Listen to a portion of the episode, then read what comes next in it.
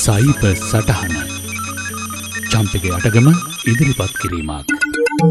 අපි කතා ව්‍යවහාරයට කියනවනේ ඕනම දෙයකින් ඉහළම හැකියාවක් පෙන්වන කෙනෙකුට එයා කප් ගහලා ඉන්නේ කියලා. ඉන්න අදහස් වෙන්නේ යම් කාර්යයක ඉතා ඉහළ නිපුණත්වයක්. මේක හැකින් වලටත් අදාළයි. හැකින් වලිනොත් දැන් ලෝකෙ කප් ගහන්න පුළුවන්. පසුගිය සතියේ චීනයේ පැවති ටියන්ෆු කප් තරඟාවලිය හොඳ උදාහරණයක්. මේ පැවතියේ තුන්වෙනි වතාවට. මේට පදනම් වෙලා තියෙන්නේ ඉතා දීර්ඝ කාලයක් බටහිර රටවල් අතර පැවති pound to own hacking competition විදියටමයි. මේ තරඟාවලි දෙකම මේ වසරට දැන් අවසන්. චීනයේ තරඟය ළඟදී පටන් ගත්තා. මෙවර වැඩි අවධානයක් දිනාගත්තේ ඔවුන්ගේ ශූරතාවය. ඒකට හේතු දෙකක් තියෙනවා. ඉන් එකක් තමා ලබා දුන් ත්‍යාග මුදලේ සුවිසල්ලාගය. අනෙක එම තරගයේදී හැක් කිරීමට ලක්ුණේ සුළු පටු මෘදුකාංග නොවේ.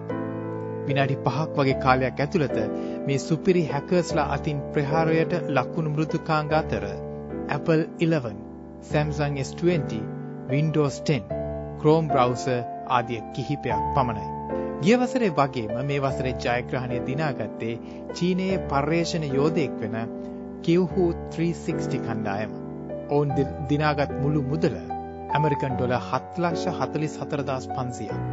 තරගෙට කණ්ඩායම් 20ක් සහභාගී වුණ අතර ඒ හැමෝටම විනාඩි 5ක් ඇතුළත පද්ධතියක් හැක් කරන්නට අවස්ථා තුනක් ලැබුණා. තරඟාවලියේ බෙදී ගිය මුළු ත්‍යාග මුදල ඩොලර් මිලියන 1.2 ඉක්ම වූ අගයක්.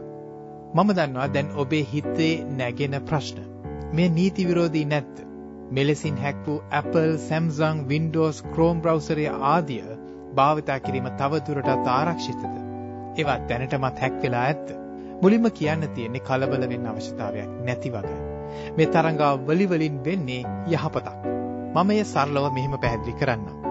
හිතන්න ඔබේ ගෙදරට කෙනෙක් ඇවිත් කියනවා ඔබේ වැටේ ලොකු සිදුරක් හැදිලා ඒ ගැන සොයා බලන්න කියලා. ඔබ බලද්දි කතාව ඇත්ත. ඒ පණිවිඩය දුන් කෙනාට ඔබ සෑහෙන ස්තුති කරලා වැටේ සිදුර හදන්න කටයුතු කරනවා. අර පුද්ගලයාත් ඒ කියන්නේ ඔබට හැරවෙන කාටවත් හෙලි නොකර ඉන්නවා ඔබගේ ආරක්ෂාව වෙනුවෙන් ඔහුගේ ප්‍රජා වගකීම ඉටු කරමින්. මේ තරඟාවලිවලත් වෙන්නේ මෙය.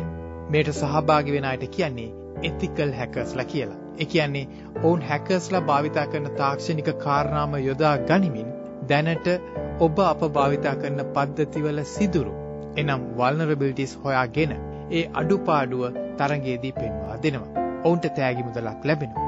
ඒ සිදුර මොකක්ද කියලා ප්‍රසිද්ධ කරන්නේ නැහැ. Apple, Samsung, Microsoft වගේ ආයතන වලට ඒ ගැන සම්පූර්ණ විස්තර ලබා දෙනවා. ඔවුන් හැකි ඉක්මනින් ඒ සිදුර වසා දමනවා ඒ කියන්නේ පැච් කරනවා. මින් මේ සම්බන්ධ කරුණු හෙළි කළ අයට මූල්‍යමය වාසියක් ලැබෙන අතරේ අදාළ ආයතනවල ඇත්තම හැකවරුන් තමන්ගේ පද්ධතිය හැක් කරන්නට පෙර ඒවා ආරක්ෂා කරන්නට අවස්ථාවක් ලබා ගන්නවා. මේ තරඟාවලි වලට අමතරව මෙය ඒ ආයතන වෙන වෙනම responsible disclosure program පවත්වනවා ඕනෑම කෙනෙක්ට තමන්ගේ මෘදුකාංග හෝ දෘඩාංගවල අඩුපාඩු පෙන්වා දී ත්‍යාග දිනා ගැනීමට ඉඩ විවර කරමින් මෙය බග් බවුන්ටි ලෙසත් හැඳින්වෙනවා. මෙම වැඩසටහන් නීති විරෝධී නොවෙන්නේ අන්නේ ඒ සාධනීය කාර්යභාරය නිසා. මේ තරඟාවලි පැවැත්වෙන තද කොන්දේසියක් වෙන්නේ හැක් කළ ආකාරය පිළිබඳ විස්තර අදාළ ආයතනවලට හැර වෙනත් පාර්ශවලට යොමු නොකිරීමේ සහතිකය. හැකින් සම්බන්ධ උනන්දුවක් ඇති. තාක්ෂණිකව ඉතා දක්ෂ දරුවන්ට හිරේ නොවැටි Tamanගේ දක්ෂතාවයන් හොඳ අරමුණක් වෙත යොමු කොට ඉන් මූල්‍යමය වාසයකුත් ලබාගත හැකි වටපිටාවක් නිර්මාණය වී ඇති ආකාරය දැන් ඔබට පැහැදිලි ඇති. එනිසා හැක කිව්ව ගමන් ඒ හැමෝම කළු චරිත එනම් black hat hackersලා කියලා නොගන්න. white hat hackersලා එනම් ethical hackersලාත් ඉන්නවා. අනික් කාරණේ තමයි සමහර අය හිතන් ඉන්නවා Apple උපාංග හැක් කිරීමට නොහැකි කියා. මෙය මිත්‍යාවක්. මෙම තරඟාවලියේ Apple 11 උපාංගය හැක් කරන්නට ඔවුන්ට ගිය තත්පර 300කට අඩු කාලයක්. Apple උපාංගවල අන්තර්ගත iOS මෘදුකාංගයේ ඇති ඔවුන්ටම ආවේනික වන එනම් ප්‍රොප්‍රයිටරි බව සහ වෙනත් හේතු නිසා එහි කේතය වෙනස් කරන්නට ඇති හැකියාව අසීරු බව සත්‍යයක් වුණත් එය හැක් කරන්නට බැහැ යන්නු වැරදි මතයක්. එය ඇත්තටම ආරක්ෂාව පිළිබඳ ඇති කරගත් අනීසි සහතිකයක්. ඒ කියන්නේ false sense of security. නමුත් ඔවුන් සිදුරක් සොයාගත් සැනින් ඒ ඉක්මනින් වසා දමනවා. ඒ නිසා හැක් කිරීමේ හැකියාව සෑහෙන අඩු වෙනවා.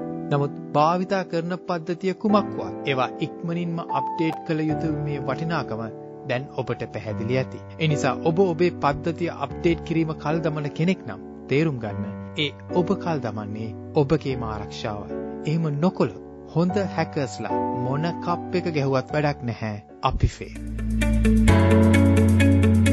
අදත් ඔබට සයිබර් සටහන ගෙනා මම චම්පිකයට ගමු.